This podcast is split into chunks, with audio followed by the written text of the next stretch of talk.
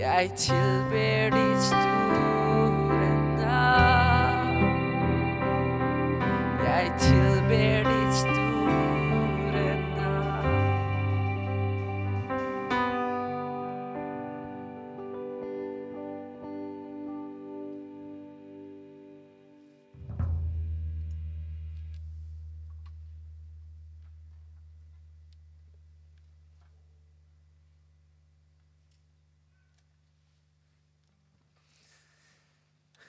God søndag. Det er godt å tilbe sammen med dere. Vi, eh, når vi kommer sammen og tilber som menighet eh, på en søndag og, og, syng, og synger det rett ut, at vi tilber Han som er Gud, så, så gjør vi alltid det når vi er en stor menighet sammen eh, med masse forskjellige baktepper. Treffer folk på vei inn som er takknemlige for ting en har opplevd siden sist. Flotte ting en har fått være en del av får eh, tekstmeldinger og snaps fra team vi har på Vegårshei med Impuls, som ser at uh, tenåringer et annet sted i landet tar imot Jesus når Halvor og teamet er der. Uh, og opplever masse sånne gode ting som vi feirer, og som minner oss om å tilbe. Og så er det som Ingel var innom i starten, at så, så kommer vi også inn noen her med helt andre bilder. Han Ingel sa for tida har ikke jeg gode dager. Og, og, og noen ganger er det sånn. Eh, og denne eh, dagen, søndagen, så er det også et sånt eh, Ja, nå tok det meg litt sjøl, men så er det også en sorgfull dag for oss som menighet. Fordi Åge Reige, som eh, en del av vår familie, fikk vi beskjed om at døde i går. Åge har levd med en kreftdiagnose i nesten to år, mellom halvannet og to år. Og han og Ann Helen har De har sjøl sagt at de, eh, de har valgt å danse i regnet. Så de har levd veldig livet, og de har vært en del av menighetslivet her. Eh, på en utrolig fin måte, og Samtidig så har de levd med et veldig realistisk syn på at eh, døden har kommet nærmere. og Særlig etter i høst, hvor diagnosen ble mye mer alvorlig. Eh, så det er en del av det å være menighet, at vi også sørger med de som sørger. Og så er det den smerten det er når en familie mister en far en kone mister sin mann. Eh, og Jeg vil bare be oss om å bruke et lite øyeblikk på å be for de sammen.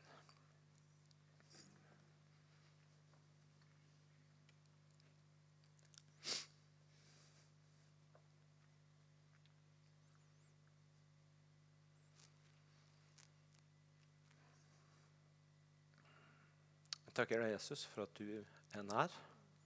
Jeg takker deg for at når vi sørger, så er Åge på et sted hvor han har fått slippe smerten og er gjenreist igjen og er hos du. Det skal vi også få lov til å feire. Så takker jeg deg for uh, det livet Åge har levd. For at han ser i sykdommen har sagt hvis dette kan føre til at noen andre får se hvem du er, så, så er jeg glad. Og det ber vi deg om at livet han har levd med sykdommen, også skal få være et såkorn eh, for andre. Og så ber vi deg denne tida på en helt spesiell måte for Ann Helen og for barna både til Ann Helen og Åge. Om at du er nær med din trøst og med din fred. Eh, og med ditt håp både for han de har mista, men også for deres liv og den framtida og det som ligger foran Takk for at du er en Gud for alle livets faser og stunder. Og for at du vil være det også for dem. Ja. Ber i ditt navn, Jesus. Amen. Amen. Da skal vi prøve å skifte fokus fullstendig og gjøre det med å se en kort sak på skjermene.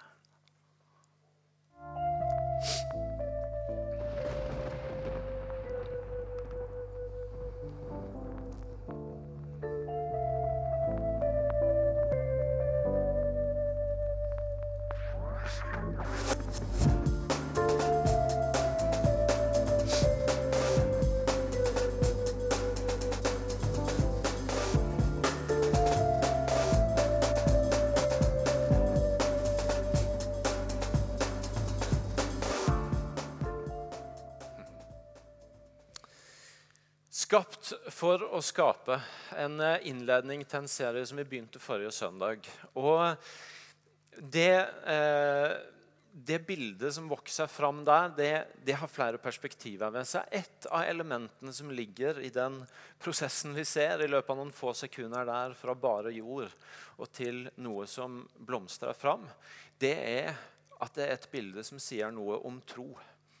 Om den troen som ligger der når en ser noe som i utgangspunktet bare er mørkt, som er jord, som ikke vitner om at noe, eh, noe er i ferd med å vokse fram. Men å ha troen på at om en stund så kan vi få se det som blomstrer fram, komme fram. Og det er, Nå lever vi akkurat i en årstid hvor vi får gleden av å se mange sånne eksempler. Eh, hvor plenene hjemme i hagen våre og andre steder begynner å, å, å vise fram sånne ting. Men det er selvfølgelig også en side ved livet som det fins massevis av historier på. Om hvordan historien til noen mennesker og der de er i dag, eller det de får være en del av i dag, det de får leve av i dag, også har et element av seg at en gang så var det ikke sånn. Og det var kanskje bare noen få som hadde en tro på kanskje ikke engang akkurat det som er nå, men i hvert fall noe som, eh, som minner. De så noe annet, de så noe større, og de levde med i en tro på det. Det er selvfølgelig mange sånne, Man kunne trekke fram historier om, eh, om kjente folk, om folk som har gjort, utretta store ting, og hvordan de ofte har en annen bakgrunn og opplevde at noen hadde en tro på de som ikke andre så.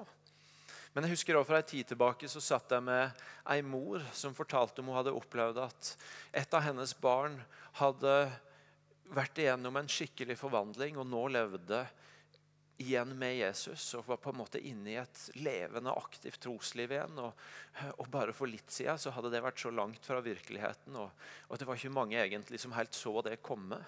Og så sier denne mora men, men jeg har visst det hele tida. Jeg har sett det hele tida. Jeg visste ikke helt når det skulle skje. Jeg visste ikke helt hvordan det kom. Men jeg er på en måte ikke overraska, for jeg har sett det hele tida. Det fins ganske mange sånne historier ikke sant, om, om mødre og fedre eller om andre som så noe andre ikke så. Og som levde i troa på det og i frimodigheten på det. En en, eh, en, venn som, uh, av uh, vår menighet som, som, jeg har hørt en del på og blitt inspirert av de siste åra. En pastor som heter Bill Johnson. Jeg husker en gang jeg satt og fikk prate litt med han og kona og noen andre. og han og spurte liksom ja, det du får oppleve nå Han har flytta fra å være pastor i en liten menighet langt oppe i fjella i California. og Veldig få som visste hvem han var, til å nå reise verden rundt. og Eh, og se mange komme til tro og bli helbreda og mange sånne ting. Og, jeg spurte han liksom Så du det for deg? Visste du at det kom? Det liksom, Hadde du en retning der? Og han bare sier nei. vet du noe, jeg lever langt forbi det jeg sjøl hadde drømt om og trodd. Jeg var egentlig fornøyd når jeg var pastor i en liten menighet og så det som skjedde der. Så sitter kona ved sida og så sier hun jeg visste det. Jeg så det hele veien. Og Sånn er det noen ganger. At noen rundt, noen ser, noen ser i tro det andre ikke ser. Og så er det så fascinerende at noe av det er at sånn, sånn ser Gud på oss også. Det er Noe av Guds tilnærming til oss er dette her trosblikket av at han var villig til å se noe som kanskje ikke var opplagt at han skulle se, eller at andre rundt skulle se.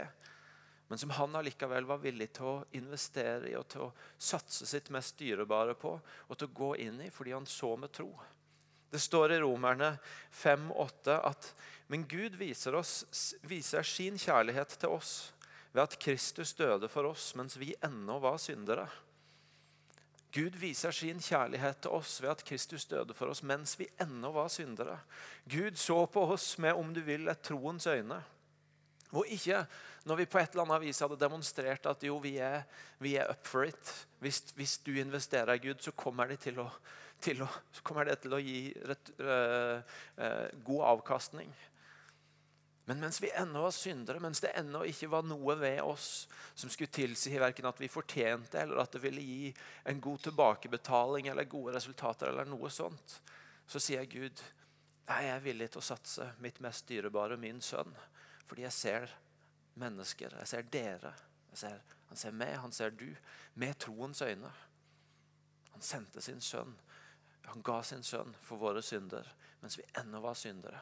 Ikke når vi hadde bevist at vi fortjente det. Ikke når vi hadde i hvert fall i det minste demonstrert at hvis han gjorde det, så skulle vi sørge for resten. Gud som ser på oss, på mennesker i denne verden, med et trosblikk av at det han ikke kunne se fullt ut nå, det hadde han tro på at det allikevel var verdt å satse på. Og så er det noe av det perspektivet når vi i disse ukene snakker om 'skapt for å skape', så er det noe av perspektivet vi snakker om at vi òg kan få leve med et sånt trosblikk på livet vårt. Vi kan få leve med et sånt blikk på virkeligheten hvor det som for oss Og, og vi snakker om, om, livet vårt generelt, men vi snakker også veldig spesielt, spesifikt om ressursene våre, om pengene våre, om tida vår, om det vi, det vi investerer inn. Så kan vi òg få leve med et trosblikk hvor det som for oss kan synes som ordinært, som hverdagslig, som Jeg gjør nå bare det jeg gjør. Dagene mine går, ukene mine går. Jeg gjør, jeg gjør jobben min. Jeg, jeg, sørger for familien min. Jeg gjør litt innsats frivillig. Og så, gir jeg noe litt her og der. Jeg gjør, gjør min del. Og så er det en invitasjon i Bibelen og i dette perspektivet av tro til å likevel se også det som for oss kan synes som ordinært og hverdagslig og bare vårt lille bidrag, med troens øyne. Med trosblikk på at ikke, Og poenget er ikke hør meg rett på det, poenget er ikke at, at det hverdagslige og ordinære ikke er bra, for jeg tror nettopp at det er kjempebra. Noe av poenget er å se verdien i det og se med troens øyne på det. Men at det ikke bare er det. Men at når vi, når, vi, når vi, tenker om det som er livet vårt, ressursene våre, pengene våre, med et troens øyne, og, og, på en måte begynner å flytte livet vårt inn i den virkeligheten, inn i en Guds rike måte å tenke på, så kan vi faktisk også få oppleve at det som for oss er ordinært og hverdagslig, kan bli til noe mye større. Vi kan få oppleve noe av det den lille gutten opplevde når det som for han var en høyst ordinær og hverdagslig lunsj, ble til mat for mange. Eh, og som det er andre eksempler på i Bibelen, av at Gud kan ta det som for oss er hverdagslig ordinært, og gjøre til noe større når vi putter det inn for Han og i Hans virkelighet. Så vi, vi, vi snakker om skapt for å skape. Vi snakker om å se også ressursene våre, også livet vårt, med et trosblikk. Med et blikk på at det er ikke bare mitt bidrag, men det er noe mer. Når jeg, når jeg legger det som er mitt liv, mine ressurser, framfor Gud, så kan det også bli til noe større. Han kan gjøre noe større av det. Og vi kan få være med på noe betydningsfullt. Og Derfor så snakker vi og vi snakker altså ganske sånn spesifikt om dette med penger. Og Det er jo interessant, fordi at eh, noen ganger når en opplever at det er noe som er viktig å snakke om av ulike grunner. Gud kan ha minnet om det, eller en ser noe skjer, eller sånne ting, så kan en sitte litt sånn og klø seg. Hvor, hva, hva, hva, sier liksom egentlig Bibelen om dette? Når det kommer til penger, så er ikke problemet står her nå, men hva i all verden skal du velge? Eh, sånn, jeg leste en sånn statistikk på at det står om bønn ca. 500 ganger i Bibelen, om tro ca. 500 ganger i Bibelen, men det som har med penger og eiendeler og sånne ting å gjøre, står det om 2000 ganger. Så eh, dette er en stor ting som eh, Bibelen faktisk sier masse om. Og det er nesten litt sånn, Hvor skal du begynne å snakke om det? Men et godt sted alltid da å begynne å snakke, det er jo eh, med å begynne et sted hvor Jesus snakker. Og få tak i noe av det han er opptatt av å si. Og, og, Vi skal gå i dag litt til en av de tekstene i, eh, i Matteusevangeliet, i bergprekenen, hvor Jesus nettopp har dette gudsrike perspektivet på livet, og hvor han snakker om livet ikke bare ut fra denne verdens perspektiv, men ut fra Guds rikes perspektiv. Eh, og, og, I det så snakker han også om det som har med det materielle, med penger, med ressurser. Det står ifra Matteus 6 og vers 19. Dere skal ikke samle skatter på jorden. Det begynner litt dystert, dette her, altså, men så blir det veldig mye mer oppmuntrende etter hvert. Dere skal ikke samle skatter på jorden, hvor møll og mark ødelegger, og hvor tyver bryter inn og stjeler. Men dere skal samle skatter i himmelen, der verken møll eller mark ødelegger, og tyver ikke bryter inn og stjeler. Så Jesus begynner bare med å si at vi kan investere det vi rår over av ressurser, i forskjellige ting. Og noe av det er høyst midlertidig. Noe av det er veldig skjørt. Noe av det kan ha denne her easy come, easy go-faktoren over seg. At jo da, du kan samle det opp. og det, det, står ikke at du ikke kan ha noe glede av det. At det bare er sorgen med det. Og, og det vet vi, at det kan være glede rundt materielle ting. Men han, men han har en advarsel i det om at, om at det er noe skjørt ved det. Det er sårbart. Det kan, det kan forsvinne ganske fort igjen. Men så er det også noe du kan investere ressurser og, og, og, og, og, penger og det du har i, som har en varig verdi, som har en evig verdi.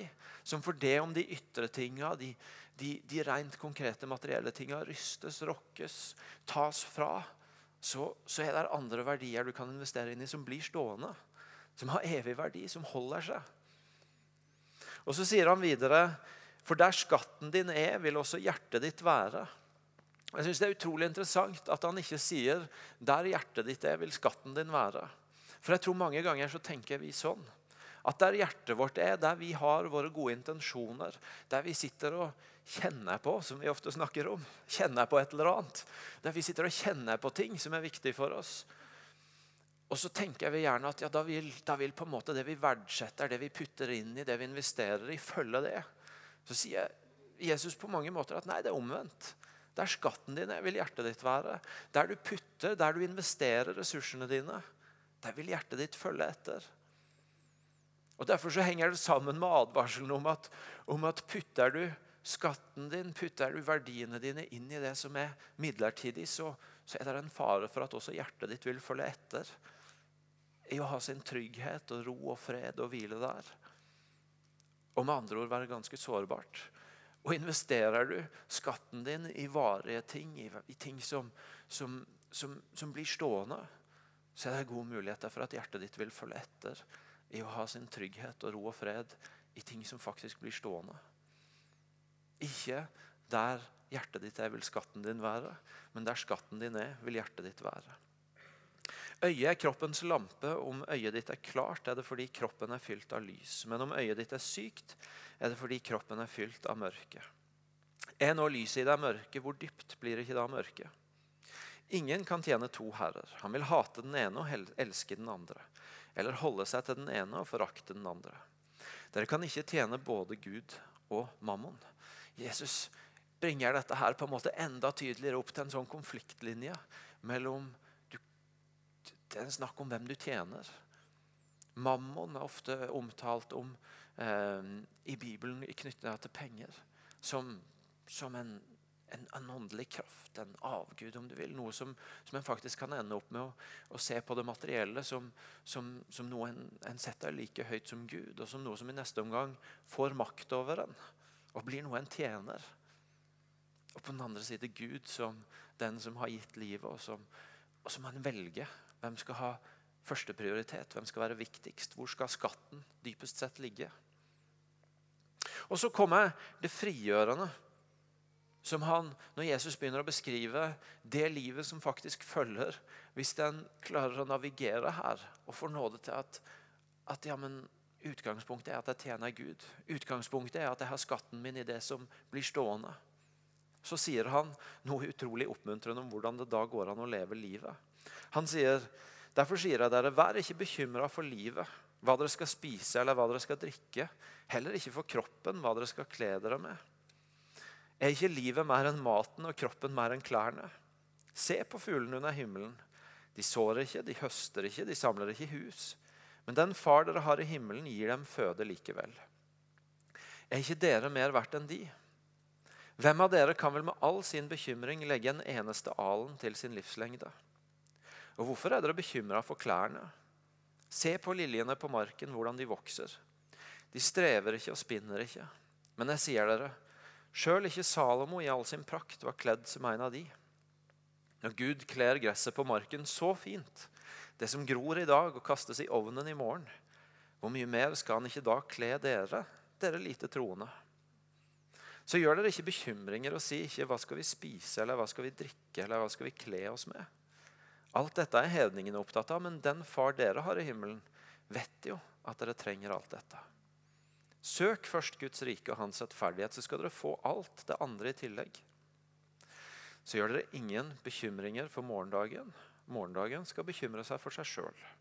Hver dag har nok med sin egen plage.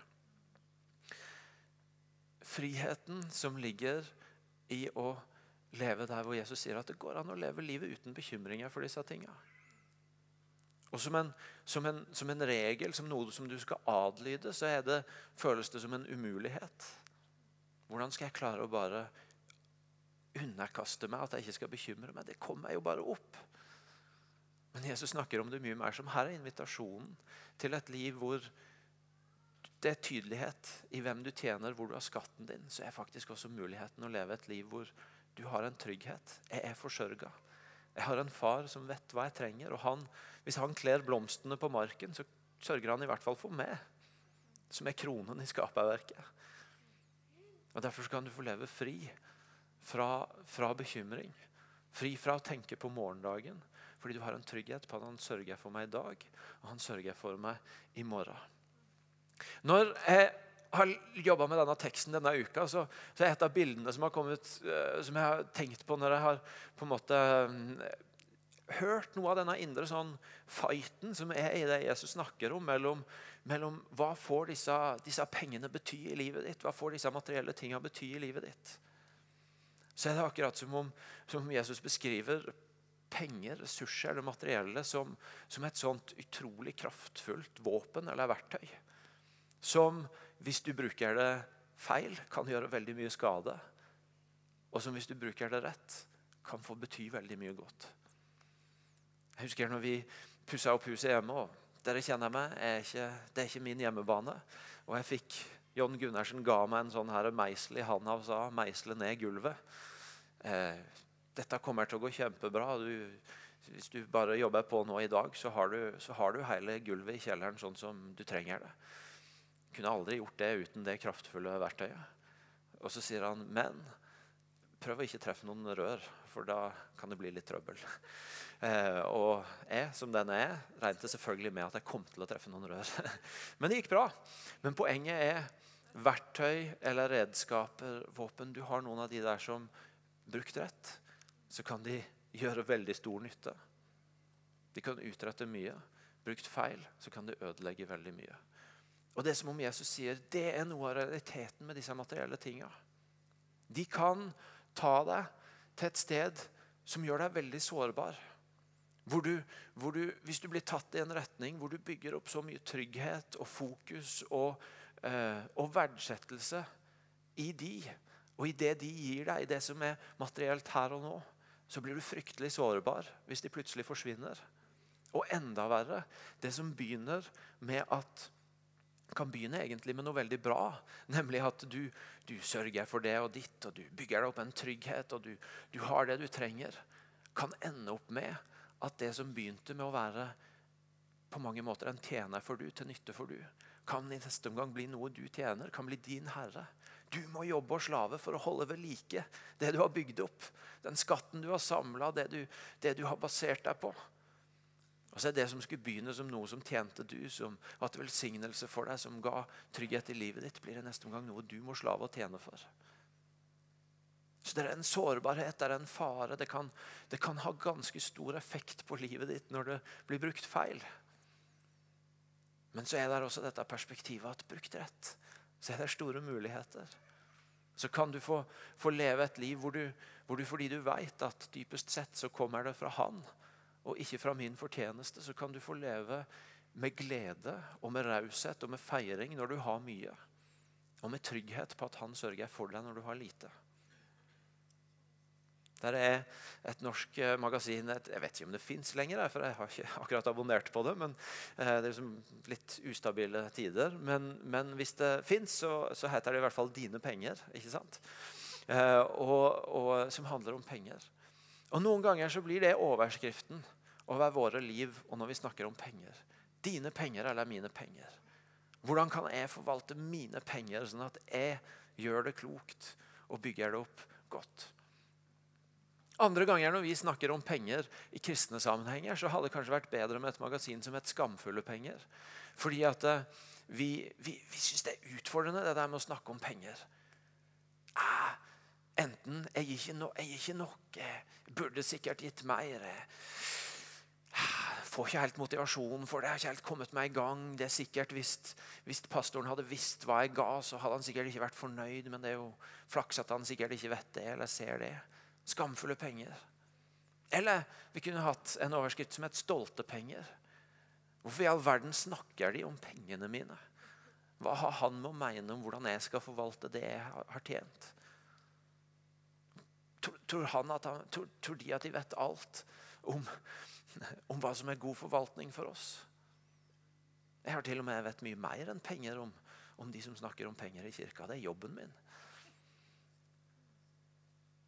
Først og fremst, Hvis du skulle lagd en overskrift på et magasin om hva Jesus ville formidle om penger, så tror jeg kanskje at overskriften ville blitt 'frie penger'.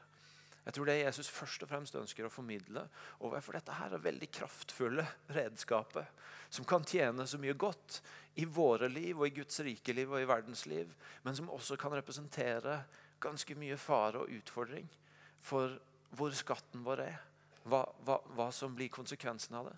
Så tror er først og fremst Jesu perspektiv er det han sier i siste del av denne teksten, nemlig frie penger. Vær ikke bekymra. Vær trygg på at du er sørga for. Lev med åpne hender i en trygghet på at enten du har mye eller du har lite, så sørger Han for deg. Og Har du mye, så kan du være takknemlig, og du kan velsigne andre. Og du kan, du kan leve raust. Og har du lite, så kan du være trygg på at Han forsørger deg, og så kan du fortsatt velsigne og leve raust. Fordi du lever med et trosblikk på at enten jeg gir mye eller lite, så kan han gjøre det til noe mer. Og enten jeg gir mye eller lite, så, så, så ser han hjertet bak den som gir. Det står et annet sted at han elsker en glad giver. Han elsker den som gir raust, ikke i form av totalbeløp, men i form av et hjerte som, som ønsker å gi. Jesus ønsker frihet i forhold til våre penger. Mye mer enn verken skam eller stolthet eller hva det nå måtte være av overskrifter som er relevant for ditt liv. Han ønsker frihet. At du skal kjenne at du er fri. Fri til å gi, fri til å oppleve livet i å leve raust. Fri til å leve med den tryggheten av at han sørger for. Og så er på en måte den veien som Bibelen beskriver til det livet Jesus holder opp. Hvor det er frie penger. Mer enn mine eller dine penger. Eller skamfulle penger. eller hva Det måtte være. Det er frie penger. Så er veien Jesus og Bibelen beskriver til det, det er alltid at det går gjennom å gi ut. Gjennom å ikke holde så hardt på det at du blir bundet av det. Men å gi ut.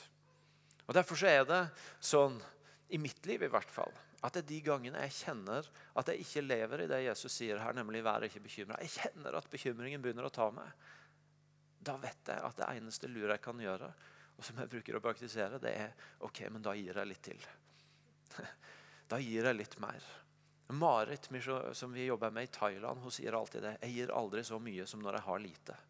Fordi da trenger jeg å plassere meg sjøl i den posisjonen hvor jeg, hvor, jeg, hvor jeg holder fast på at til syvende og sist er det verken mine eller dine penger, men det er Guds. Og jeg ønsker å leve i frihet på at det er Han som sørger for meg. Så når bekymringen tar meg, OK, jeg gir. Jeg husker, og Noen ganger så er det konkret at jeg gir. Jeg tar opp lommeboka mi og gir. Eller vipsen, eller hva det er. Og andre ganger så er det at jeg i min samtale med Gud kanskje ikke blir invitert til å rent konkret gi fra meg, men til å uttrykke overfor han at jeg gir tilbake noe som jeg velsigna med, og som jeg vet er han, så sier Gud dette er ditt, du må forvalte det. Vi, for, noen, for noen år siden så, så, hadde vi bodd lenge nok i Stavanger til at vi kjente at det er her vi skal være. Og vi tror antagelig at det er her vi blir resten av livet hvis ikke Gud kaller til noe annet sted. Og vi begynte å tenke eh, ja, Ikke bli nervøs. eh, eh, eh hvis dere blir lei av meg, så er sikkert Gud noe annet for meg. Eh, men, men, vi begynte å tenke at det hadde vært godt å ha et sted å, å, bo som vi kunne tenke langsiktig på. Så Vi begynte å be til Gud om et nytt sted å bo, og vi begynte å se på boliger. og vi det var før ethver form for uh, endring i oljepriser og alt sånt. Det var i den tida hvor alle boliger i Stavanger gikk fra 500 000 og oppover over prisantydning. Så vi var på mange visninger, og vi var med i mange budrunder, og vi tapte like godt hver gang. Og mens vi gjorde det, så var det jo mange velvillige som ba for oss. selvfølgelig takknemlig for det. Og, og, et ord som gikk igjen hver gang folk ba for oss, det var dette her Gud har noe bedre for dere. Bare slapp av. Gud har noe bedre for dere. Og det er Når du har tapt x antall budrunder og fått det ordet noen ganger, så har du egentlig lyst til å si 'hold kjeft, slutt å terge meg'. hvis, hvis, jeg ikke har, hvis jeg mangler 500 000 eller 1 million til det huset, så eh, glem det. Jeg får ikke noe bedre, men det hadde vært kult om man kunne sørge for et av disse.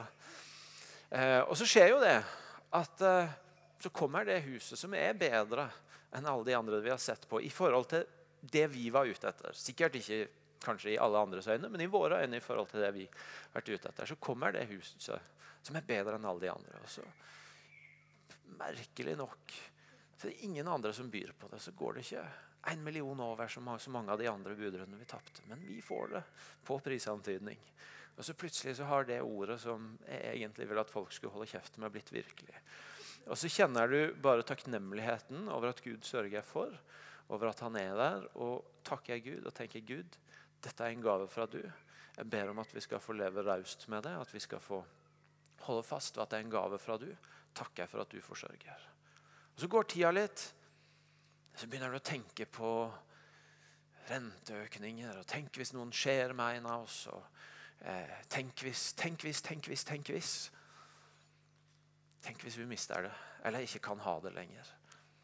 Og Så blir livet litt travlere, og så begynner det som skulle være et utgangspunkt av å leve raust. Her, kan, her kan folk komme inn og bo og låne og leve. Ah, litt stress. Trenger jeg litt ro? Så blir det mer og mer mitt, vårt. Så blir det mer og mer mitt ansvar, og så blir tyngden av det lengre. Og Så kommer du til det punktet hvor du bare kjenner at OK, Gud, jeg trenger bare å bekjenne til du igjen. Dette er ditt. Dette er en gave fra du.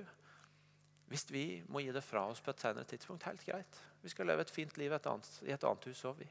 Det er en gave fra du. Takker jeg for det. Og holder det lett så lenge du vil la oss ha det.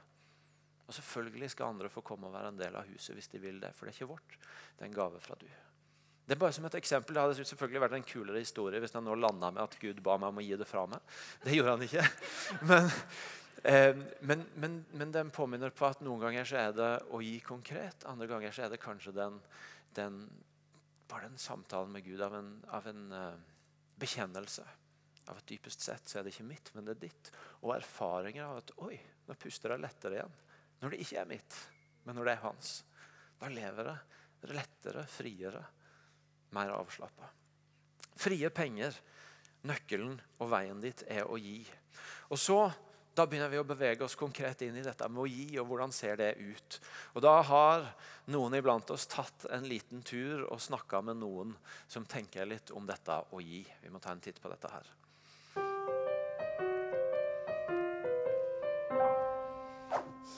Nei, det er viktig å investere i hjemmet sitt. Akkurat nå så sikler jeg skikkelig mye etter en ny sofa. Åh. Eh, mitt åndelige hjem, ja. Jo, Jo da, det er viktig, det òg. Ja, men der investerer jeg stort sett ånd, da. Ah, tok det. Morsom. Ja, nei. Ja, nå når jeg står og startsunger den her det bygget Guds rike i en mannsalder, veit du, så nå drar jeg ikke tilbake på alle dugnadstimene jeg la ned her når vi bygde den kirka, så så vet du at det, det, det, var ikke så lite, det skal jeg si deg. Og alle svettene sitter jo igjen i veggene her, så jeg skulle bare tro og mene at, eh, at jeg bidrar nok her i kirka her til både Jesus kommer og de, så, så vel så, da. Nei, altså eh, At eh, min familie de gir tiende, og vel så det. da noen fordeler må vi ha. At mannen jobber i olja. Jeg må ikke ta med den siste. Jeg må klippe den vekk. Nei. Men altså, fra spøk til revolver her, altså. Jo, altså, men vi har praktisk talt vi har gitt en eh, fjerdedel med hele, av hele familien, nå som ungdommen vår går på bibelskolen. Ja, ja, men sånn. Hvis jeg skulle gitt uh, eh, 10% av det jeg tjener, det er jo fryktelig mye penger. Det er ikke det at jeg gir jo gjerne videre, altså. Men eh, jeg har jo allerede gitt 500 til Uganda. da. Er ikke det greit nok, da? Skal jeg liksom støtte kirka mi i tillegg? Er ikke det nok at den støtter meg, liksom? Jeg, jeg skjønner ikke dette her helt. Det er noe jeg ikke har fått med meg. her. Si at du står i butikken, da. sant? Så står jeg ikke der og lurer på om at skal jeg ha brød og melk i dag. liksom. Det, det er bare noe en må ha, og det gjør en. For det er bra. Det er bra for meg og mine. sant? Sånn at eh, Det er ikke noe sånn som jeg står og velger hver dag. Skal jeg gjøre det i dag? Skal jeg ikke gjøre det i dag? Sant? Er du med? Sant? Eh, så det er vel litt sånn som det er med givertjenesten min òg. Altså, det er bra for fellesskapet. Punktum. Å ja, jeg er veldig opptatt av givertjeneste. Jeg. Ja, jeg tenker, tenker på det flere ganger i løpet av året, faktisk. Ja, Det går nok ikke lenge før mange år, iallfall, før jeg kommer i gang. tipper jeg. Ja. Det nærmer seg nå, tenker jeg. Å ja. Ja.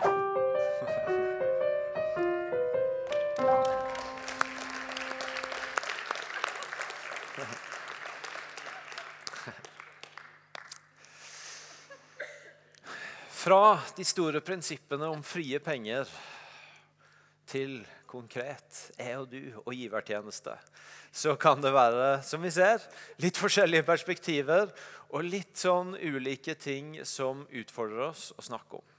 Bibelen er egentlig ganske konkret på invitasjonen inn til et liv å gi. For det første så snakker Bibelen eh, om et prinsipp mange steder hvor den snakker om et for oss litt gammeldags og rart ord, men, men i oversettelsene så står det gjerne om førstegrøden. Om prinsippet av at en begynner med å gi tilbake til Han som har velsigna oss. Og Det er et veldig konkret prinsipp som er veldig annerledes enn å si nå skal jeg først få sørga for alt jeg må sørge for, og litt til, og så kan jeg gi det som er igjen. Bibelen utfordrer faktisk, eller inviterer til et liv hvor du begynner med å gi tilbake til Han. Ikke av det som blir igjen, men som utgangspunkt. Og Da er du faktisk inne i dimensjonen av å leve også med penger et liv i tro. Hvor det krever tro fordi at du begynner med å gi fra deg. Og så har du tillit og tro både til at han vil velsigne de pengene til noe rikt, men også til at han vil sørge for du, for det om du begynner med å gi. Og Det er et prinsipp som du møter, som er referert så mange steder i Bibelen. Dette med å begynne med å gi først. Du slutter ikke der. Du gir ikke av det som ble igjen, men du, men du begynner med å gi. For noen av oss, og jeg kan si for meg, meg, meg, meg selv, så betyr det at uh, samme dag som lønna kommer inn på min konto, så går givertjenesten ut. Jeg gir ikke meg sjøl muligheten når kontoen begynner å bli skrapt på slutten av perioden og si nei, vi står over denne måneden. Det ble litt mye annet. Nei, Hun begynner med å gi ut. For det, det, er det prinsippet jeg møter i Bibelen, som hjelper meg til å leve i frihet. Det andre er dette prinsippet som Bibelen inviterer oss inn i, av å begynne med å gi 10% av det vi har fått, tilbake til Han. Og igjen, fordi dette er noe som, som, som, som en gjerne diskuterer. Ja, hva, hva, er egentlig det? Nei, det er ikke en lov. Det er ikke noe Bibelen sier at, at gir du ikke det 10 så er du en dårlig kristen eller ikke helt kristen eller et eller annet. Men, men det er noe som før loven kom i Bibelen, allerede Abraham, ser vi at han i møte med Melkisedek så gir han tiende av det han har. Det er noe som gjennom Gamle testamentet Eh, når, eh, når, når, loven er der, så er det, et som, som, er det et prinsipp som praktiseres. Og når Jesus et sted blir konfrontert, så sier han om dette med tiende at du skal gi tiende, og i tillegg så skal du ha kjærlighet og barmhjertighet. Det er, som, det er et prinsipp som, som lever med der. Og så kan du gjerne diskutere ja, men vi lever jo i en situasjon hvor alt vi har fra Gud, eh, alt vi har er fra Gud. Hva er poenget med å gi 10% Skal vi ikke tenke at alt hans er vårt? Jo, hele poenget nettopp med å gi først og gi av 10% er at i det så er bekjennelsen din alt mitt er ditt. Ved at du begynner med å gi tilbake til han av det du har fått, og det prinsippet som han legger der, så bekjenner du at alt det jeg har, er ditt. Og så stiller du livet ditt i et utgangspunkt hvor du har frihet i forhold til dette. Og så snakker jeg Bibelen.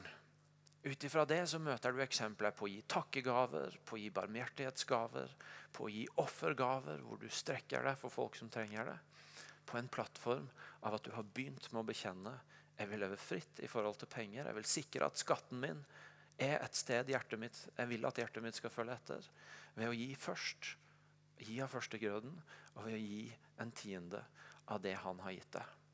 Og Det er noe av det livet som Bibelen inviterer oss inn i. Eh, hvor vi begynner med å gi fast, og så, og så, kan vi gi takknemlighet og raust ut fra det. Og så er dette her med å gi det en prosess. ikke sant? Og Det er noe vi lever i hele veien. fordi målet er verken 10 eller 15 eller 20% Målet er et raust liv hvor du lever fritt i forhold til penger, og hvor du lever med et perspektiv av at han sørger for meg, og hvor du lever med et perspektiv av at mine penger kan jeg se med et trosblikk, hvor det får bety mye mer. Det er ikke bare den faste summen ut av kontoen, men mine penger har faktisk vært med på å se flere titusener bli frelst i Kambodsja. Mine penger har vært med på å se menneskers liv i denne byen forandra. Jeg får se med et trosblikk på det jeg gir. Og Det er en prosess vi lever i hele veien. Hvorfor noen så handler det om å begynne reisen. Og for andre så handler det om å sikre at den ikke stivner. Jeg skal være ærlig, jeg har tenkt fordi nå er det en stund siden vi har snakka om dette i menigheten. faktisk, Selv om vi ofte snakker om vi har kollekttaler og vi har en giveraksjon på høsten. Men det er lenge siden vi har tatt tid til å forkynne om det og dykke inn i Bibelen på det. Og um, jeg skal være ærlig og si at jeg har tenkt litt at ja, det der med, med, med, med å gi og leve raust, det føler jeg har tålelig bra kontroll på. Vi gir mer enn tiende til menigheten, og så, og så, gir vi både her og der utenom. Så er det kollekter her, og så er det noen som, som opplever noe der. og så er det og så er det masse, og så, og så tenker du ja, det er ganske bra. Føler jeg meg ganske raus. Så hørte jeg Martins tale sist søndag. Jeg var ikke her, så jeg satt i bilen på vei hjem sist søndag fra vinterferie. Sånn, det burde vært sånn sikkerhetsadvarsel. Eh, hvis talen er for inspirerende, ikke hør den når du kjører. Eller ikke forstyrr føreren. Men, eh, men jeg ble grepet av det han sa, og det slo meg. Oi, jeg kan jo ikke stivne. Jeg må jo videre. Dette livet vil jo jeg ha tak i, for det er livet det er. ikke sant? Det liv det er. Jeg sa til en kompis denne uka at når det kommer til dette med penger, så hadde sånn fra forkynnerens side egentlig vært mye greiere om vi fortsatt levde under loven istedenfor under nåden. For da kunne jeg bare sagt sånn er det, gå og gjør det. Men det kan jeg ikke. Men, men det må prøve å gjøre, det vi må prøve å gjøre sammen når vi dykker inn i tekstene, er å få tak i at det er et liv her som faktisk er så godt å leve, så velsigna å leve, når du får leve raust. Og det betyr at ingen av oss kan tillate oss å stivne i at ja, Nei, det er greit. Men vi må alle hele veien leve i den Å, Jesus, jeg vil ha tak i den friheten som du inviterer oss til. Jeg vil ha tak i det livet hvor det er velsigna å gi. Du sier sjøl, Jesus, det er saligere å gi enn å få. For min del så betydde det etter sist søndag at, at OK, vi må øke med 1% til. Og så opplevde jeg som hun dama her, at så er det veldig lett å tenke det og så utsette det. Så fredag klokka tre så tenkte jeg oi nei, nå, er det helg. Vi får mailen av gårde, så da fikk vi endelig sendt det. Det er også en del av dynamikken. ikke sant? Handle på det raskt. Men det er en prosess. Enten du begynner nå, eller du føler du har levd i det lenge. Men allikevel, Jesus, jeg vil ha tak i det livet. Jeg er ikke først og fremst ute etter å gi for å føle meg bra, eller for å gjøre det som er sagt at sånn, sånn skal det være. Men jeg har lyst til å ta tak i det livet hvor det er frie penger. Hvor jeg vet at du forsørger. Tyngden hviler ikke på mine skuldre. Og hvor det jeg gir, får være til velsignelse for andre. Så nå eh, skal vi gjøre det sånn at dere skal, fordi dette her er et tema som utfordrer oss personlig, og som utfordrer oss på å ta tankene om frie penger, om det Jesus sier, inn i våre personlige liv så skal dere få et par-tre minutter til å være i stillhet mens teamet spiller, og reflektere og be over hva betyr dette for mitt liv. Jeg har lyst til å utfordre deg på om dette med hvor, hvor går pengene mine først? Fordi der skatten min er, vil hjertet mitt være. Hvordan lever jeg i forhold til det med at først så gir jeg? Er det noe jeg trenger å utfordres på der? Jeg har lyst til å utfordre deg på å tenke igjennom om det er noe i den tryggheten på at Gud er din forsørger, som du trenger å invitere han inn i og få tak i. Er det noe du bærer byrden av nå? Av materielle ting, enten det er et hus eller en gjeld eller et eller annet prosjekt. Som du trenger å posisjonere deg igjen for. Nei, men Gud, det er ditt. Jeg stoler på du. Og Helt konkret er det noen konsekvenser du trenger å ta i forhold til din givertjeneste, eller i forhold til det å leve raust og gi ut med dine penger. Jeg ber en bønn, og så er vi litt stille. Og så skal du få lov til å reflektere og be og lytte til Den hellige ånd for ditt liv.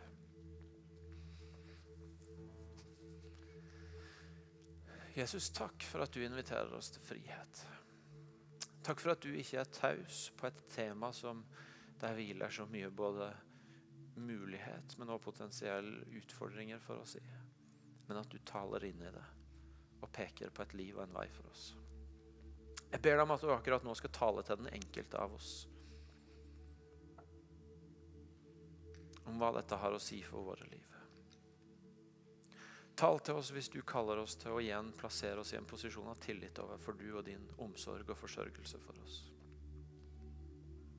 Tal til oss hvis du kaller oss til å igjen leve ut fra tro, hvor vi gir før vi sørger for.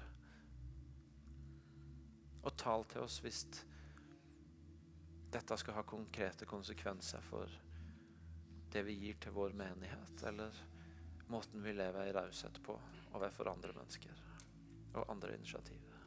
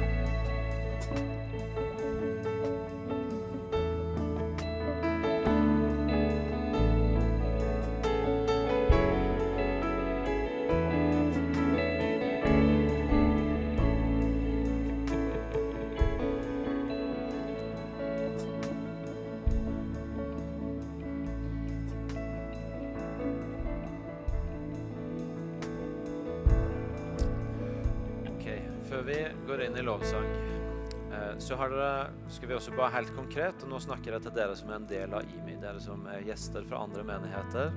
Dere får tenke gjennom hva dette har å si for ditt forhold i din menighet. Men til du som er en del av IMI, så har du antagelig også sett at du på stolen din så lå det en fastgiveravtale på vei inn. Og Vi ønsker også i disse søndagene helt konkret utfordre på det. Eh, noen av dere liker fakta. Jeg skal bare helt kort si at i fjor så ga dere i fast givertjeneste 7,8 millioner, som er masse. Det er veldig bra. Eh, 300 000 kroner mer enn året før. Og I tillegg så ga dere 3 millioner i kollekt. Og alt som gis av kollekter, det gis videre til arbeid som ikke er i den lokale menigheten. Misjonsarbeidet vårt, andre menigheter, andre ting. halvparten, 53% så litt over halvparten av medlemmene våre har fast givertjeneste. Så er det sikkert noen andre som gir på andre måter, som gjør at det er ikke helt Men, men litt over halvparten har fast givertjeneste. Og 22% av medlemmene våre gir 66% av givertjenesten. Det forteller meg at dere er en raus gjeng som gir masse, og som det er fantastisk å være en del av. Og så forteller det meg at det er høyere potensial. Og Derfor så utfordrer vi hverandre også denne søndagen. Og dere har hørt en del av utfordringa og ønsker å respondere på det. Til å enten begynne å gi hvis du ikke allerede gir, eller til å vurdere om det er tid for å øke hvis du gjør det. Da kan du bruke blanketten her, og så står det steder å levere den på på begge sider av miksepulten bak på veien. Skulle det være sånn at du av ulike grunner syns det er utfordrende dette med å gi spesifikt i IMI, fordi det er ting du lurer på om økonomien vår eller forvaltning eller sånne ting, så kom og spør. Ikke la være eller vent fordi, fordi du går og tenker på det, men ikke får gjort noe med det. Kom heller til meg eller noen andre av lederne og spør åssen det er, sånn at vi kan snakke sammen om det. Ok. La oss reise oss opp, og så tilber vi Jesus sammen. Eh, nå er også forbederne eh, klare der borte. Eh, og det kan være at ting som har med økonomi, penger, kanskje bekymringer rundt det å gjøre, som vi har snakka om i dag, er noe du trenger å la noen be for deg for. Men du er selvfølgelig også velkommen til forbønn hvis du, eh, hvis du eh, har andre situasjoner med deg inn i gudstjenesten i dag. Av sykdom, av smerte, av utfordring som du ønsker forbønn for, så er de der. Nå har vi litt tid før barna skal hentes, så la oss tilbe Jesus sammen, søke forbønn. Og så skal vi avslutte felles sammen før barna må hentes.